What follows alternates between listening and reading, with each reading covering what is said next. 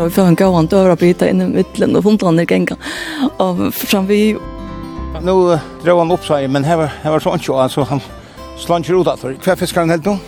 Jeg vet ikke hva han fiskar. Jeg råkner ikke ved at han fiskar nekka. Jeg råkner han for heimat og jongelrev. Men det er akkurat som et en god fellesskap vi hava, og er helle her som vi kunne. Pjøs ikke forklare sånn jeg, fordi at vi har haft nøklene samme oppvekster.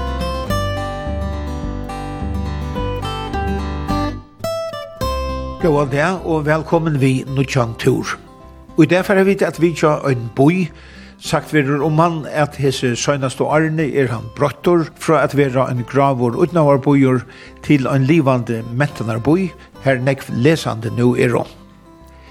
Her staur pakkhus og rukande skorstøynar våra, og staur kiblau vi pritjo, er nu flottor strandavevor, og et blomstrande bojarløyv, tog mest i utnavren og skipene er nu flott urbøynen langer ut.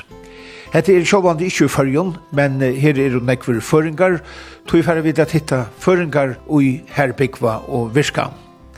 Ta er fyrst og juni måned var og Øtni Ekholm, her Ekholmarar hatt og Atarstavno, stekka i Øysni og i Aalborg for at hitta føringar som byggva og virka her.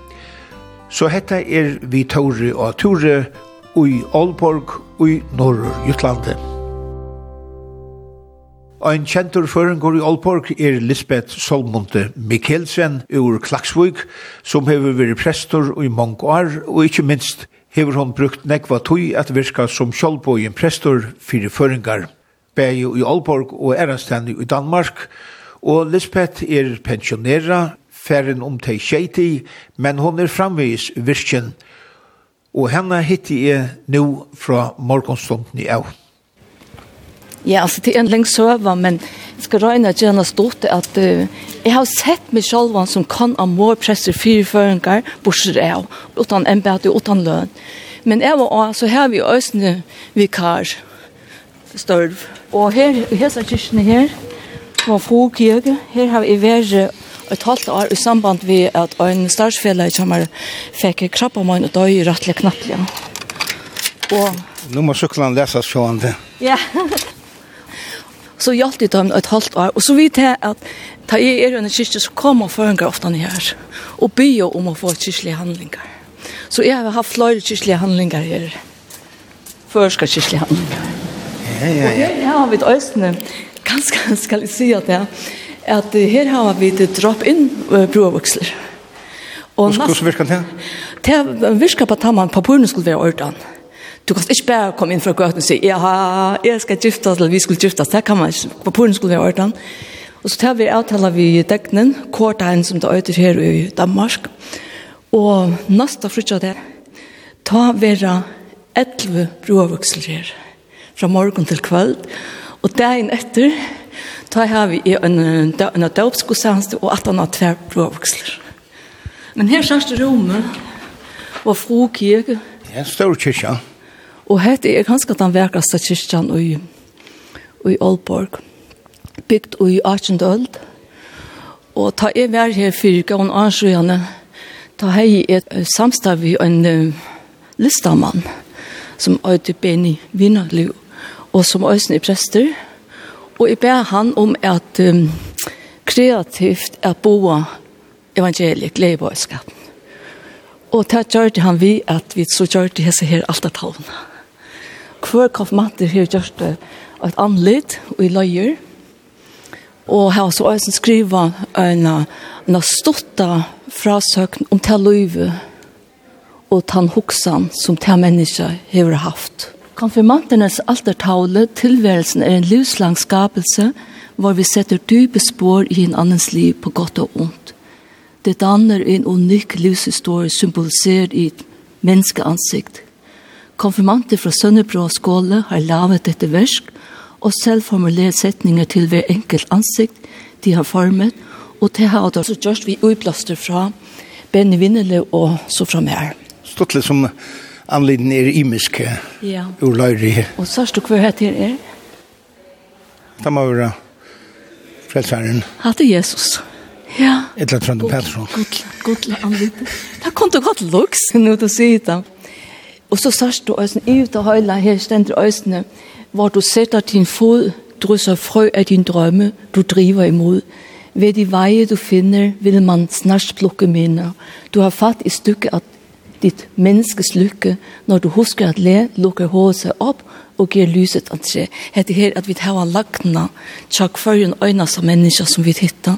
Vi tar en part av til lagna og hånden okkara til det som Løgstrup sier og så kjente for jeg har sagt. Altså nå tar to vidmøtes her, så har du også en part av min liv og jeg får en part av tunnløyv. Det har du alltid avskan. Og ut av høyla her stendte så at den aronistiske sikningen herren var siknet til, og det stendte av danskene. Herren var signet til og varvøy til til, Herren lette andes ut lysa, iver til å være til nøyver. Herren lytte opp asjonsvinn og ate og gjør til fri.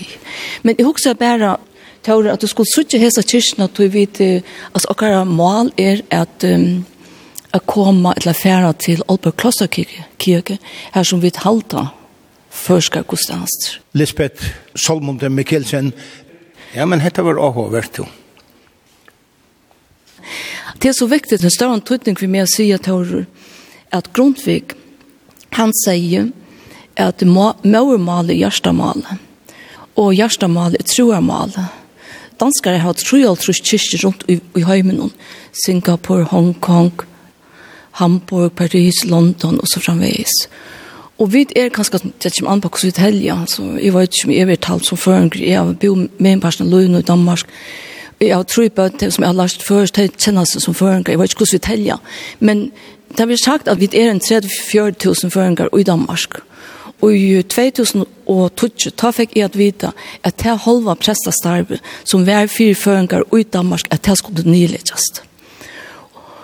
Og ta hoksa i meg selv, men så sier jeg ikke meg fra fire av jeg prester, fire føringer på Sjørev, og sett meg i samband. Vi ber før, danske politikere og kyrkmalere herre, og, og bisper ber bispen i førjen i Danmark.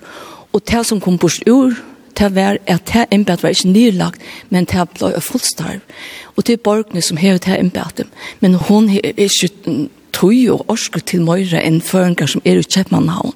Og det som jeg hoksa, og det som jeg har bygd om atter og atter, det er at vi får en prest, en prest fyrføring i provinsen, altså utenfor Kjeppmannhavn. Og det er i Atlasan. Faktisk ikke etter meg Atlasan. Sånn at jeg gjør for å ta i Hanstholm og Gossans i Åtense og så framveis. Alt i på, ja. Altså, du kan sutja det fra hver sånn høymia, og i fyrjon sier det, har vi hørt. Til dømes er at uh, tar som bygger i Danmark betaler kyrkjeskatt. Og hvis vi råkner ut, hvis vi nå sier til dømes kanskje 20 000 føringer betaler og tilrettelig loksett 1000 kroner om året, så kommer kjøtt råkne ut at det blir til 20 millioner kroner. Og så er det ikke råd til en prest til hvert 200 000. Ja, Alltså man kan gott undra sig om kursvägna av jag tror att han vill ha sett präster till allt möjligt i Danmark. Det är funktionspräster och funktionspräster och og pressa fyrir flattar folk og alt det, og det er nøyut, og det gleder jeg meg om, men jeg kunne, og grønlandar tar her, altså flere pressar, vi tar ikke men det er som om at danske staten hever en halvt er av hoksan om Grønland, vi føringer, vi lukkar som vi, vi det er så assimilisera i, og nekva matar, men Vi tar akkurat egne søve og, og land og folk og mentan og, og kristne trygg som um, har så stor en tøytning. Altså, ofte han fører en ringer til min sida. Altså, det er nesten daglig at jeg ringer og sier, «Åh, nå har jeg finnet en sånn eller noe døtter. Kan du ikke ta i på?» jo, så sier hun, ja, ta ta her en god som er en dansk ham». Jeg sier, «Ja, men kan du ikke bare valgsikne sånn kommer av førskolen?» Eller kan du ikke bare be ferie være av førskolen? Så står han tøytning her da. Og her i Danmark, her sier jeg at ja, men tid har løst kyrkjene, hun var kjølstøv, første kyrkjen fra 2006, så vi tar ikke nærkere avbyrd i samband vi at syrja fyrir at tid har vært prest og kyrkjen. Men så altså første kyrkjen kanskje, at selv at gjørs en bedre. Ja, ja, det er også det som er, som er arbeid i fyr, og her er arbeid i fyr, så er han 1900 og halvfjerst. Lisbeth Solmonte Mikkelsen, Margrethe og Drottning. Du har jo haft eh, nok så nek vi gjerne gjerne med Lari der. Ja, jeg var sett som Daldanløya godfrøydøld av av fraskaprosesset 1900 fors. Da søkte jeg prestaembad i førjen fikk tog han var ikke, men fikk så hette jeg starve. Og ta jeg så var jeg tru år i arbeid i Østnia av lærerskolen og flottet til alt til Lammarska Jeg tog at med og han arbeidet innenfor justisminister var flottet til Kjeppmannhavn, så var jeg så heppen å få et og medtale fantastisk presteembed i Fredsborg Slottskirke i Hillerød og en annekskirke som er nere Heilerkirke og stod og tog at han åt her ringte telefonen og ta hevet fastnett. Og så uh, sier vi kommer det kabinettsekret til Måns Veil Og jeg sa, må hun sval? Ja, det var han, og det var smart, kjent, og jeg gøten, og han var sånn høve, flotte med av. Røystrøm med over. Røysomsmæver, Som Røysomsmæver, vi, vi, vi, som man sier, så skal, og, ja. Og jeg ble purast da, tian du og du ikke sier noe som helst og så sier han ved meg at, ja, at han sa øren det var at uh, det var alltid var Ole Jakobsen som hei han underviste av um, universiteten i København og norsk filologi, og det er han som skriver til verste fra ferien i urførjen. Her skriver jeg i Østen, i, sam, samstarv med han om det første kyrkje på utmål. Han var knappt litt eier, for han er hans hender, og om jeg ikke kunne takke vi, han heier steg, for han heier så undervist drottningen, og, og tog for allmenn røvner til drottningen som hun helt i førjen, for løgtingen. Jeg sier nøy, Og så sier han meg, når, jeg nu har den, så er det fordi, jeg har gjort mitt hjemmearbeid. Så siger jeg, kan jeg huske for om og huske når du ja, han vil ikke at om tror det er. Så sier mannen til meg, hva betyder det, at man har lavet sitt hjemmearbeid? Så sier Mær og Moen Karsten, han siger, jamen det vil si at han har spurt folk, kanskje fra skal og til å pøyget til, og til å si at du skal ta oppgavene så sier jeg, jeg kan ikke, jeg har dansk studentsprek, og jeg har bo med en person av lønnen, og i Danmark do ikke rettelig vel først. Og så sier Karsten vi hun som klager med, og sier, du kan alltid spyrja om kan føre. Og så har jeg finnet jeg gav en stol, med en annen fra Paula Nilsen, som jeg har som starsfelle i Allerhærskolen, som har tog nekva bøker. Og Torben Johansen, som var fyrværende i Havskola Stjore, men alltså särskilt Paul Nilsson och trottningen som som to och för en vita hon kommer av vitan 3 av första år och då har vi haft en 4 5 dagar samman här är Arnt här har tuttröna Och så sitter vi och läser år för år, sättning för sättning. Det är akkurat som gänger första klassen, första flott Och det är fantastiskt. Vi ber bland 24 personer så ända vi klockan fyra. Vi får en gåan dörra bita in i mittlen och hundrarna gänger. Och fram vi og selv om det sier seg selv at man kan ikke bruke sex et eller annet, lort vi meg til det. Så langt fra fyrsten er å ta, fann jeg til at du at, så tar jeg alt bøybelen ikke om meg vi. Og salmaversen som effekter er hver tøtjere gammel. Og, og så synes jeg først salmer for fire drottningen og leser bøyblene, og, og så har jeg stått så romaner og imest annet. Det er jo oververst ser avhørst, en sånn klok kvinne. Og hun tok meg fullkomlig av Bålu i 16, uh, dekorerer jeg meg privat.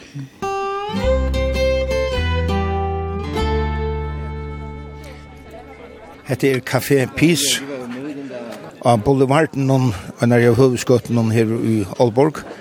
Og han Jakob Abrahamsen, anføringer, har vi finnet her um, morgenmæter brunch. Jeg har selv vært etter morgenmæter av hotellene, så jeg finner mer um, kaffe, så er det noe smart i satt vi, vi må ha alt, alltid ha noe søtt. Det er viktig. Jeg tar meg vel kaffe, men, men jeg må ha noe søtt at vi. Ja, akkurat som pappa.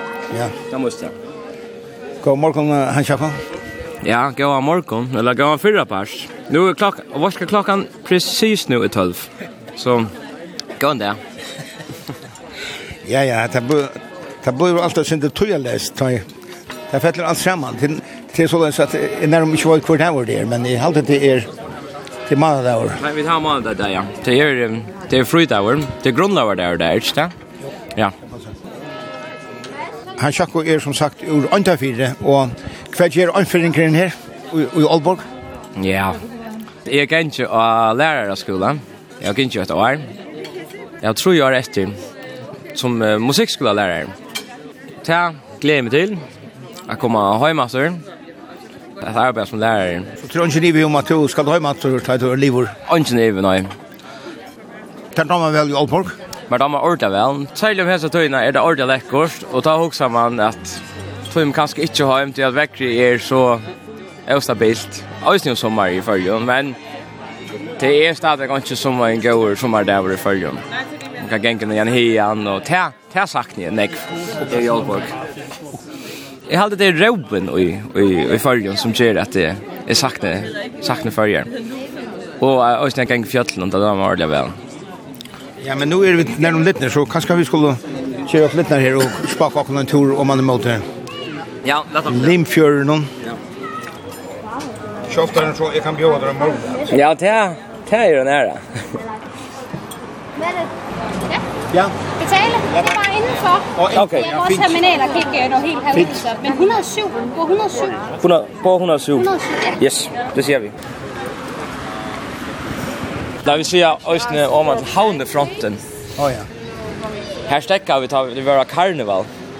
Ja, det har du om at det var så Tavar. Till att han slopp. Ja, ja, ja, det här var kjempestørst. Det er sa mynt där, ne? Skal jeg vise deg et video. Eva Eva DJ. Vart det? Ja. Okay. Ehm um, fra? Ja.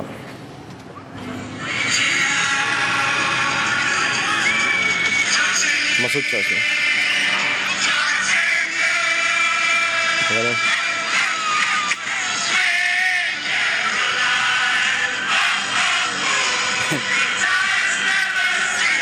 Jeg, jeg stod for det taler ikke noen. Du fikk lov i fjøltene.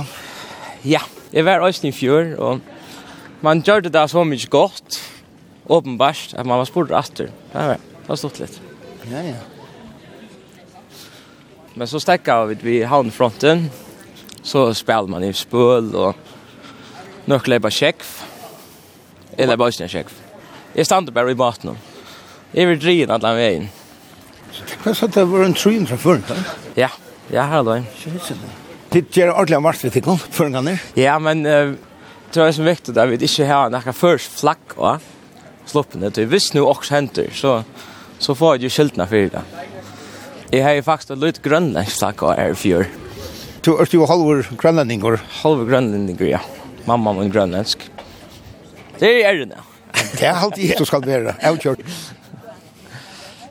Nu kommer vi då man möter.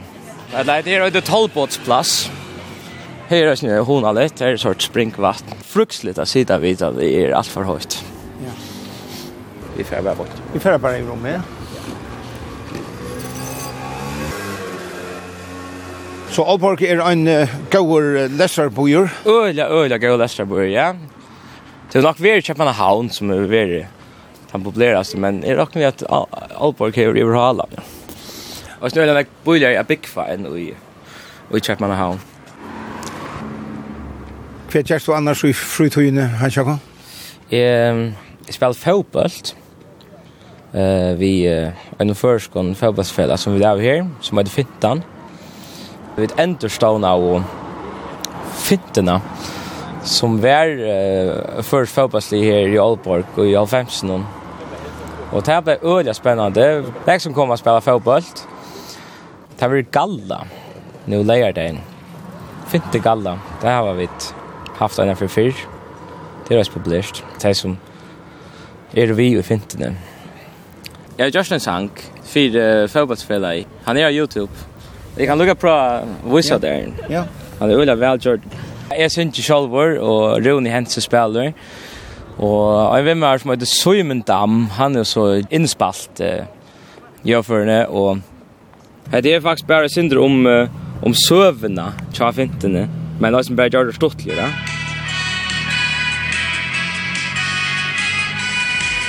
Ta fintan hon av fyrsta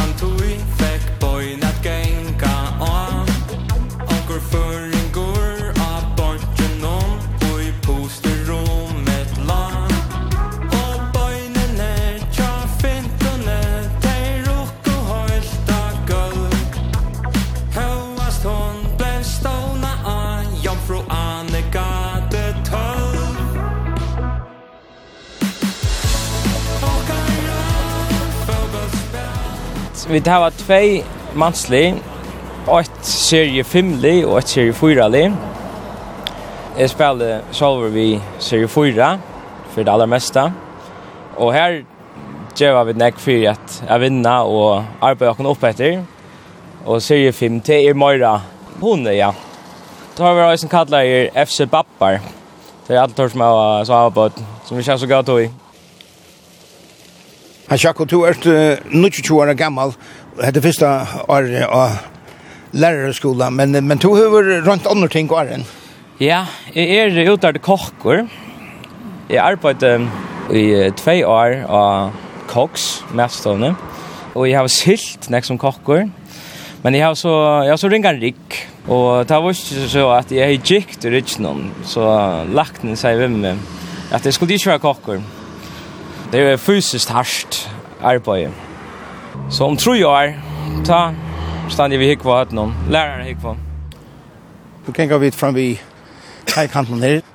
Her sender en sojaberg, som vi sier. ja. Får du nekker? Det vet jeg ikke. Det, det, det kan godt være.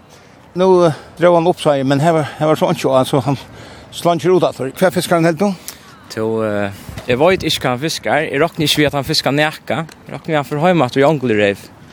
Limfjøren har faktisk året av å være nok så skiten. Og fiskeren her er ikke noe gøy som han er i følgen. Ja, her er noe kvalsbord her å få, hvis det er. Sjekk for den ser sin til bruner ut han. Ja.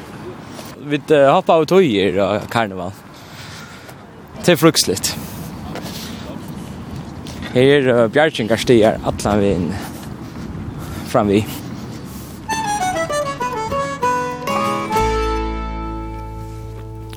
Soldier Torp. Hvordan byrja jeg sin bindeklubberen?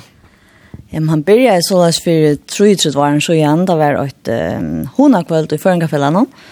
Og Edel Maria Jakobsen, som var nere i taen, røst seg opp og bjør i Øtlund jenten og konen til at møtes til Kristo, har skvalt, minnes det ta. Det var jo i september uh, i 1995, 1995. Og så igjen har vi møtst. Hvordan ofte? I början, ta var det fjörsdagsgrund, det var det som regel frutja kvöld, vi möttes, vi var unkar, allar, de flesta av Ehm Um, så vi möttes då, ankrar bunt och vi uh, fick kaffe och vin och så förde bojen att han har Jönsjö Annikat. Men det, det bröttes, alltså att han några år har begynt att vara mer vaxnar och stabila och, och nu mötas vi då ena från mannen. Sista mycket kvöld uh, i kvar man. Da møttes vi, vi er og 15 i bindklubben nå alltid. Og, og møttes du vel? Ja, det er uh, skifter nok snakk. Ank du sitter over 5 og er tror jeg sitter over 15, altså det er jo limest. Men, men det er akkurat som et, en god fellesskap vi tar, va? og er helle her som vi kunne pjøsja forklara sånn jeg, fordi at vi har haft nøklene samme oppvekster. Så vi stola hver nøren jeg, og har gjort et lærerne. Og Annika Jensen, hva tøtning for det å komme sammenvisen her. Før skal dammen. Ja, helt utrolig stor tøtning. Jeg har vært vi i ja, cirka 30 år så hvert. Og jeg pleier å si at her, at vi er sammen vi som damen, er så fantastisk. Du vet, jeg som soldier sier det heller, vi kunne ta alt fram å snakke om. Du tog på så vi ikke gikk alt salafreng. Det er fantastisk. Det er det. Vi har et skjema som vi lette, som man sier, Og i december, og så har vi den. Sista mygda i mannen, så har vi skjema. Vi vet hvor skal ha bindeklubba, og hvis uh, tann som er av skjeman ikke kan, så byter man om med omkring annan. Og så har vi deisen fast at uh, vi tar, vi kallar det jolafrokost, men det er uh, i januar. Da er det oppkjøk Karen Simonsen. Og om sommare, da er vi oppkjøk Lisbeth Solmonte. Da er vi det, og vi even nåtting går det hele forbi stått litt. Så jo, vi er stabiler. Ja, men altså vi har haft nekve utskiftingar som vi sier, altså, hvis vi får råkne ut hvordan nekve det har vært så halvtid at vi har i öllføren vi har holdt rush i djøknet av bindeklubbene så det er sikkert fløyre det er høyre etter som også og her er vi østen vi vi i hans bindeklubbene Nei, så er vi så heldige vi har en prest i bindeklubben, Lisbeth Solmonte Mikkelsen og hun gjør øyne nekve for føringer her i Aalborg. Det er fast godstjeneste påsk, av påsken og jålen, og så hever hun eisene nekvar ærje tyskelige handlingar vi at um, som føringer man kan få hun er døpt nek først bøten og vukt nek nek var føringer og gjæra og for mot vi kommande så har vi her hun døpt sonen ikke mer hun har konfirmeret døtrene hun har vukt mann og, med, og hun har gjæra mamma Og Maiken Fredriksen, hva tøtning hever för ikke bindeklubben i Aalborg har fyrt det? Ja, men alltså jag kom nye till Danmark i 2005 och jag kom nye som endelig mamma. Og for meg har det alltid haft en stor antydning av det vi i bindklubben. Så i første da jeg sånne var Løydel, han var knapplig av fem år. Ta heia og ikke badnakarsplass, og jeg skulle til arbeid som sjukrasøster. Og som sjukrasøster arbeider man uh, alle vakter, om kvöld og weekend og nottene. Og Så jeg har beina min et størst nedverst til at hjelpe meg at jeg passer sånne min, jeg selv er til arbeids. Og det er jo bare bygd et størst nedverst, så sånn at og det, altså, vi kjenner hver annen så vel, og og hjelpa hver nøren på alle mulige matar nå vi er snö blir nær eldre självant ja komma framvis nu till på? Er han öppen framvis Det er han, vi pleier at uh, her har sint uh, kjent litt om at man skal då bæka hvis man skal slippe bindklubban til ikke, så vesentlig at man då binda, men uh, det er ikke det store produksjoner som er i bindklubban, og det er ganske underkveld, men akkurat i bindklubban halte vi to nok oftast rundt om båret og få en liten bit av en drekkamon, og også Eh ja, ett annat som jag alltid ser att tolkningar med med till är att uh, självt om vi där bo i Danmark land och barnen är uppvuxna och alla folkskolan i Danmark så är neck av och som har haft och onklingar i Färjön, till studentskolan i Färjön och är till uppbyggving och och onkel är inte kom ned at til dem sån som är inte kom ner att han bor i Førjon Og ånder er kom nir etter å teka seg er i oppbygging at han har studentaskolen, eller minnom som oppbygging, hva man sier, til flere dømme om det. Da man er vi i 30 år, og jeg kom til å kjenne nek folk som er gidia, hvis jeg bor i fyrjun, så har jeg ikke haft kommet å kjent det på samme måte, og at vi kommer ur imskon, altså jeg kom ur havn, men vi kommer ur imskon bygden, og onker kommer ur Sjøltafire, Foklafire, Gøte, Klaksvøk, Klaksvøk, stronton.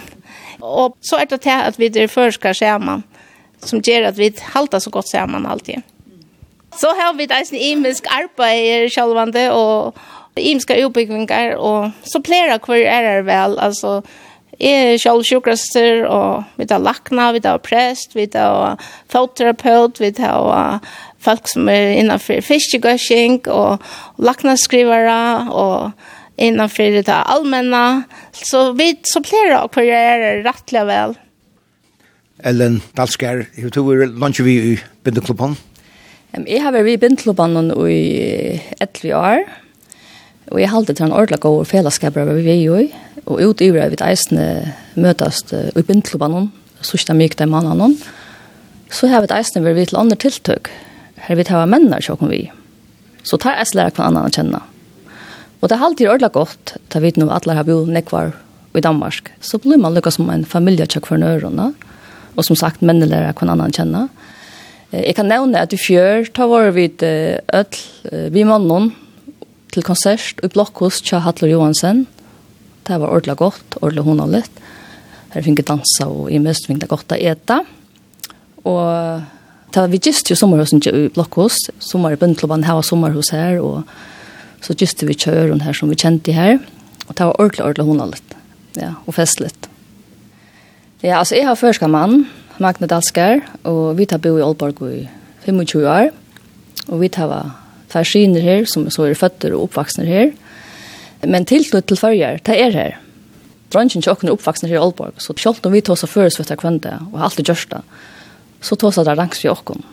Men det er at Filip kommer bare norrønne, som bare værer, Det gjør det til at han lukket for så at hos og først atter. Det gjør det nesten helt løy men det kom så atter og atter. Så det var ordentlig godt. Men det er vel å si at røntgen tjokken, det føles som føringer, selv om det er født og oppvaksne her. Heidi Haraldsen, to bor i Grønland i mange år, men uh, nå har du så vært noen år vi i Bindeklubben i Aalborg. Ja, det har vi, jeg har vært noen år nå, ja, og det er alltid er så, vi har vært så ser det stort litt. Og jeg halte til en oamyndelig gøy bølger, og, og øsene til at vi er så imisk her. Vi er jo i så imiskon størvån, og det gjør til at vi tar ofte ser godt prat, vil jeg si. og stort litt. Ja. Jeg kan nevne for fyra år siden var det en Odla-festival i Saltomia. Ja Nå grøyna atler, og det var så ser hun at vi får vi sjekke sjekva bæsje morgen og i førsmål klæven.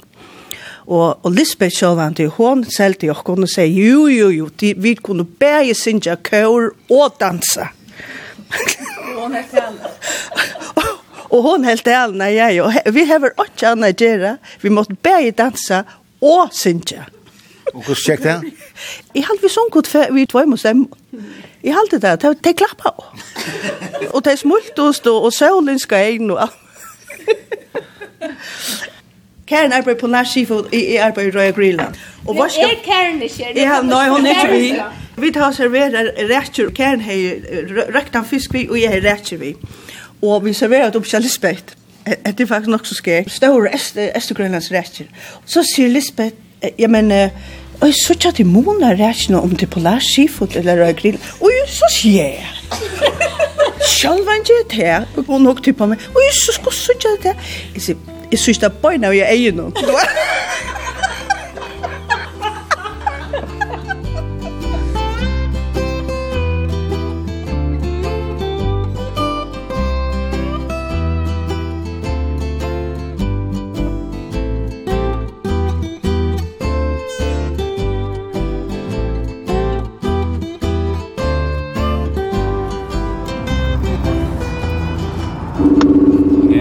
mikrofon, eisen. Å, ja.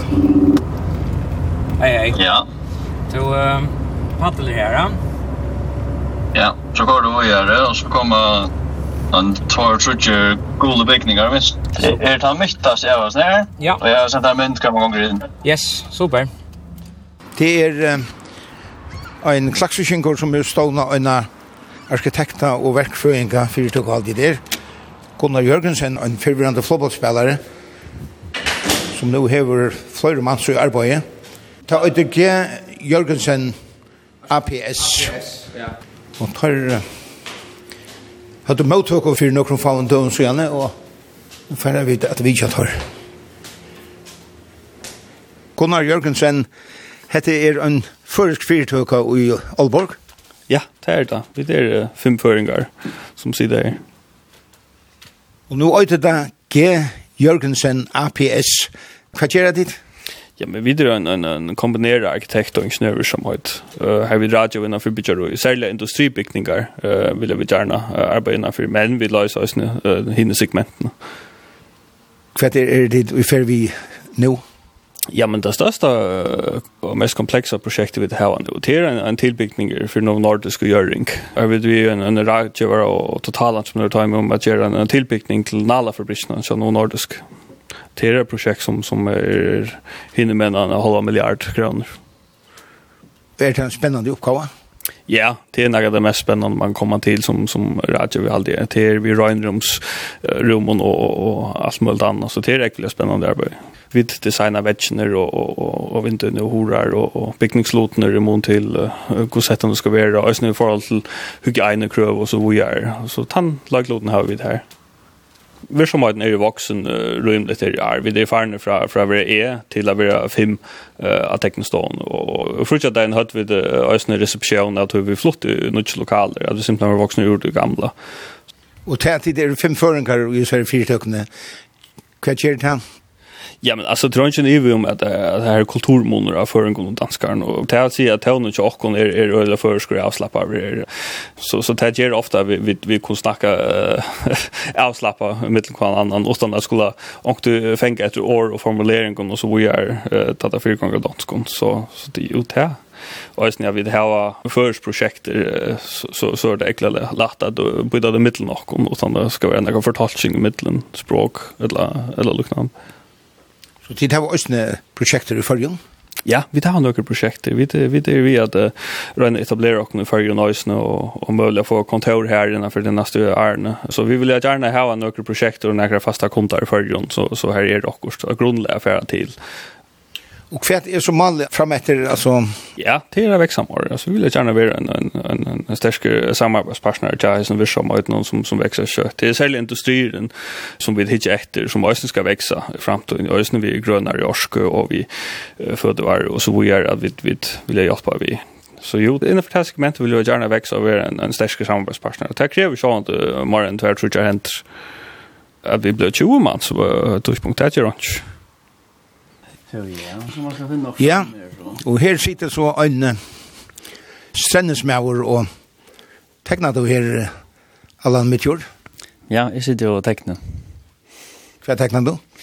Så uh, jeg har vært holdt vi etter uh, prosjekt som Tjano Nordisk. Ja, som du så sagt her skjer noen. Så er det kjempe tilbygninger.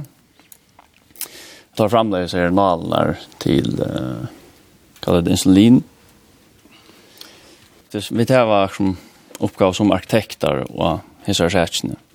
Så sitter vi og samarbeider, vi nekker er fyrtøkker, med landa Niras, kunne nevne som en av den halvstøvrum. Og i det har vi faktisk sittet og tekna på et annet prosjekt, som er uh, en bygning av Randersteil, vet du. Det er så en fyrtøkker som gjør uh, murstøyner. Og er det alle oppgaver lukket spennende? Ja. Nei, ikke, ikke alle. Alle er ikke lukket spennende. Det er kanskje mest så er, så er skrivelig og som er sin drømmen sånn der. Men uh, jeg tekner til at det er meg veldig vel. Og så er det å finne løsner og på, på forskjellige solbløkker som kommer en bedre røy. Og Teitur Olsen, to sider hans mein, hva er en arbeid til vi? heter en gåsrøn annen tekning, så ikke? Det som jeg sitter gjør nå er mer ved siltafabrikk, eller insulasje. Og vi er ikke kommet særlig langt i oss nere enn, men jeg har rundt av innretta administrasjon og produksjon. Bytjeherren her er ur Norra, og tar vi gjerne hava en fabrikk oppe i Danmark. Og det sitter jeg så og tegner på, hvordan jeg løser. Og er det spennende? Det er alltid faktisk ordentlig spennende å være vi fra, fra start av, at man jeg slipper å funnes vi bytjeherren og, og den få hans her ja innskjer oppfelt. Og Gunnar, du tog på nekka av Arden her i Aalborg. Er det nek brått til i Arne? Ja, her er nek brått. Jeg, jeg flott her til i 2012, og ta var hettar primært en industriboi vi, vi arbeider. Og til i det her, her finner på hvor vi bygger ganske studerende, så, så bøyren øyne jeg utvikler til jeg er en jeg bor. Og til flere føringer i det enn ta? Ja, ta, ta minnes ikke til i Sanakran. Jeg, jeg spalte selv i Flåpelt, og vi var en trutje føring av Lino, ta som bare spalte sammen med Lino Aalborg og Østene Landslino. Det var et som vi pratet i.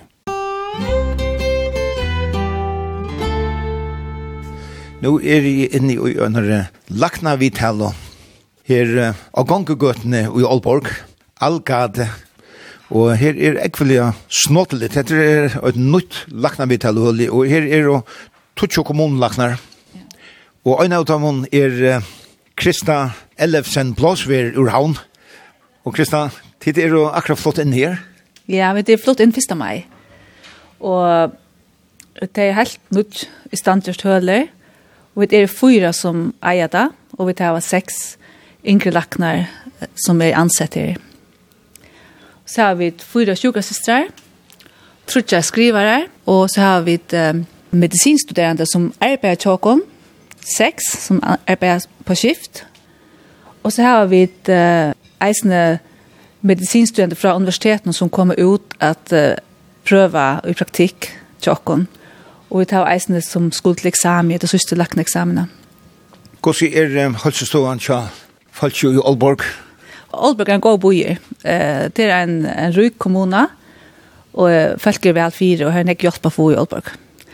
Her er eisen nekve føringar som leser, og nekve føringar som har bjorn nekkvar. Og vi tar eisen nekve føringar som patienter er. Vil jeg da helst komme til en føreskan lakna?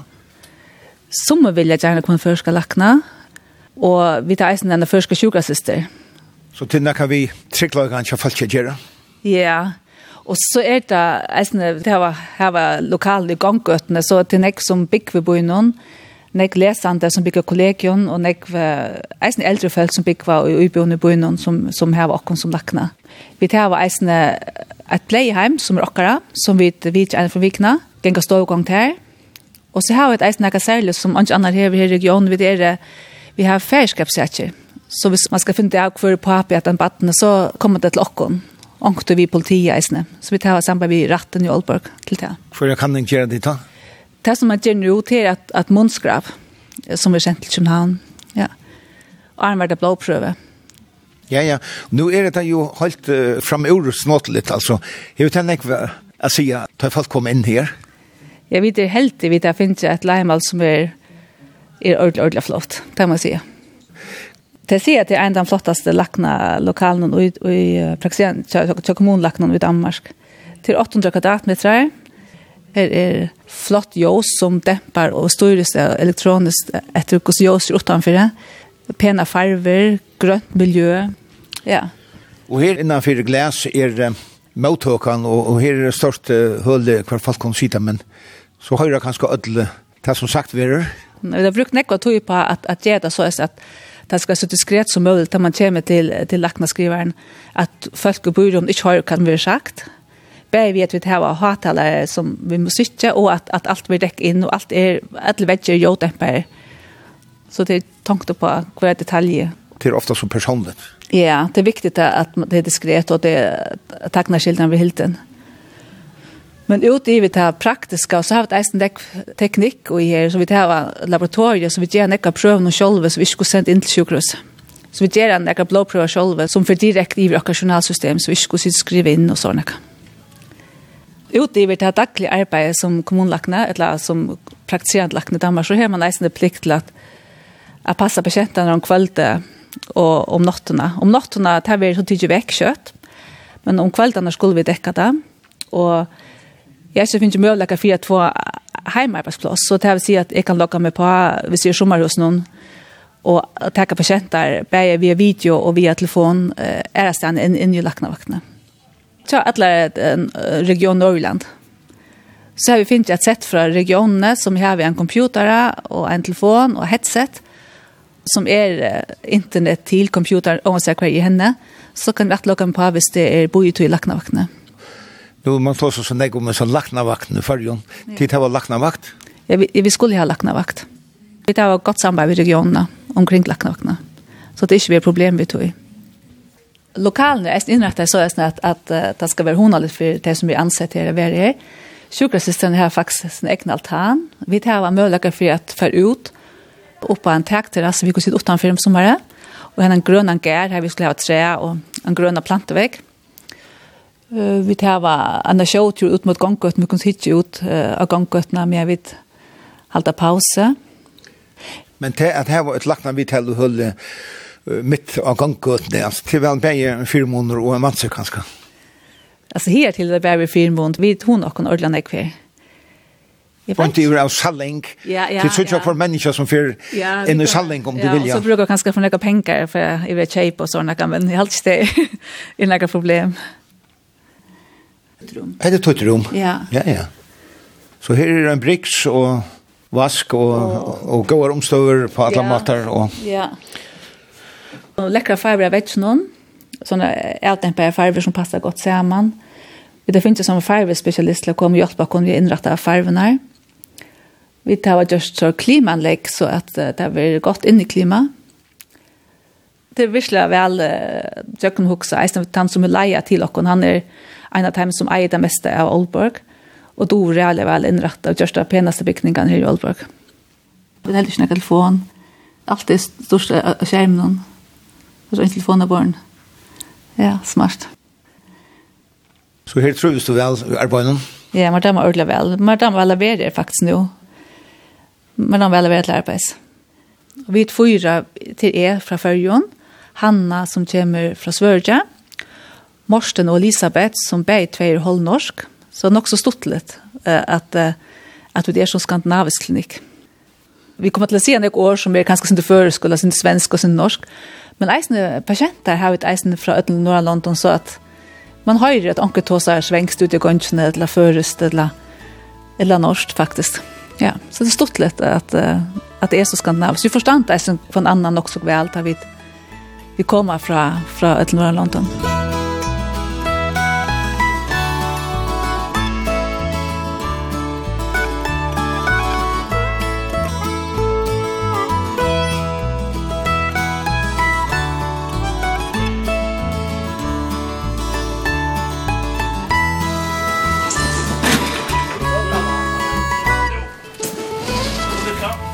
Nu er vi uh, ute i øyne kapprøren neste her uh, i Aalborg, og her stender en blav og bator aleren sender ånen, seks mann affær, steinar og torgare, til for ut av rekva nå. Jo, ja, vi tar vendingen nå her, man til løtta, og for ut å få en til tøyme ut av fjøren om, har vi gått for det. Hvordan virken er det ditt? Jo, uh, der, bare nå har vi fyra manninger, til tverja kvinnon og tverja mannen, Her er så endelig kvinnen til mannen som reikker sin mer seriøst, det er litt oppveisen i for vikna. Ikke helt som følger men det er sindre da. Og hva gjør vi til? Jo, altså, hvis det er rønne menn, så kan vi få han på stjort og sier. Det er alltid, det er gode kjensla, hvis man er sin heima, og det er lokale kjensla på en eller annen måte, at man er bare til at man er tykt. Og alt er folk som er vana rekva i følger nøysene? Ja. Ehm um, faktiskt så har det stor tillgång till folk som alltså rå för. I helten av folk som kommer vi har shit i botten för då. Det har alltså skek alltså att att folk vill prova att nu att komma här ner. Han har ju aldrig alltså jag nu kör. Du vet det är faktiskt gamla höjningar han är från 2008 om minns rätt från Råfjärd Knörrö. Och han svinner här till och och och döpte som åter till Allerund till Oldberg där. Det liksom tar av vägen. Og det var jo Lisbeth, prester her i Aalborg, hon er først gang nok kjent her og sier, hon, hon kom døpte baten, og på den, hon kom på i Danmark, det var ikke, det var en uh, først hundra folk og hukte mye igjen. Det skal jeg. Så tid er nødt? Vi har spilt nødt, vi har vært i fingerbaten for uh, halv og halvonøren mann og søgjene, så, så tror vi akkurat vi er, typ uh, pura frukster da. Karina Spanke Davidsen, opprunalige ur Høsvøk, du er Røvers mævor, tja, men eller Røvers kvinna? Ja, det er jo nemlig, ja. Steinar spurte om jeg bra hva i styrer til timen, og jeg var ikke ive, ordentlig. Jeg sakner kapperen ordentlig, jeg, jeg var bygget nere. Jeg var Nico Jøsker Rørafella, og sitter jeg nå ikke her er man fra, da det er nye stevner som, som er. Og hvordan er det rekve her, at du møter i følgen? Altså, jeg har aldri funnet danska skivet skulle för uttaget alt allton men det gick inte här till. man man tackar ärligt till streamen som är i fjärnan. Och så ska man nästan ha en extra med Stormanskursus från Eier. Här ska vara minst en av bara någon som heter här. Eier, det är fjellet som vi är så och loja en nästa så er baten hever takk tack över hötte faktiskt och vi kan så isen bruka alla faciliteterna i Chatham. Det er dagsfälla. Så det er spännande. Ja, det er ordentlig spännande och vi tar her er flere manninger seriøse her, og er och her, och her är faktiskt øyne Nick i Aalborg som är intresserade som så mycket er råd for. Och det har alltid faktiskt ordentlig dåligt. Och tjugo kapprar och sammanhalt med føringene? Ja, det har alltid, helt säkert. Det har alltid. Det är väl där røskest, og det är ju också till så att att man möter upp og man låtsas man har och man vill vi och röska Facebook bult någon är att meldas till ta det är att man ser bara för det är eller inte. Just du i Alborg? Ja, arbetar i Alborg faktiskt. Jag kunde finna bostad i förrjun, det var det jag läsa. Och så flott jag nio Gör och mer damer väl, men jag saknar alltid kaffran faktiskt. Så detta kom väl vi faktiskt, ja. Det är då en kappingar i Jognoare så kunde kappas med att fälla under Chapman Island och Odense och så vidare. Så det var ordentligt spännande vid att gå här till att här rösten några seriösa manningar. Alltså förringar fällor? Ja. Og jeg mener at Steinar nevnte fire eier at det var slugga kappingar i Danmark, og at det var ordentlig ordentlig fruske på at det skulle løsne være i Aalborg, kanskje neste år. Og tid er det flere manninger, da? Ja. Her er det en seriøs kvinnemanning, seriøs mannfølgemanning, Og så er det oseriøs hold øsene. Man vil gjerne, men man er ganske støy på grunn av uh, lesene innom. Og tar det sånn det var en tjej, og så er det det, det som det passer til, så møtes tjej og følger ut av rekva. Og så har man øsene haft omkring dem som er råfyr, og nekva at de er oseriøs, og har øsene råfyr. Man vil bare passe det. Og hvordan er Alborg som bor at, at livet i? Alborg er en ordentlig hyggelig bor i livet i. Det er akkurat ikke for størst, Og jeg føler at føringene i Aalborg tør det går til at har gått sammenhalt. Og gjør en ting sammen. Og møte opp til det er akkurat tiltak og så slukt. Føringene føler jeg det er veldig donalig.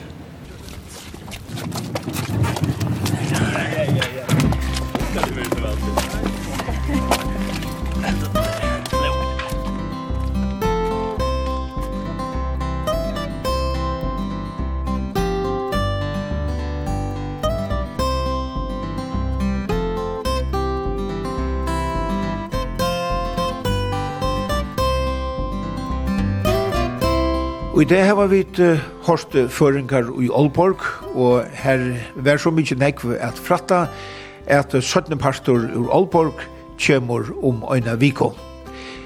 Hesen pastoren vil aftur at høyra i i utvarpnum torsdag klokkan 11 og leierdag klokkan 4, og han er òsne og heimasøyne tja kringvarpnum skriva kvf.fo framskak tt. Han er òsne som podvarp. Vi Tori og Tori hever så jo av Facebook, du er velkommen et dame henne, så sørst du til og kommer inn her. Her vera menter fra turen og østene akkurat videobråten. Takk for i dag. Vi tar rast atter om øyne vikon.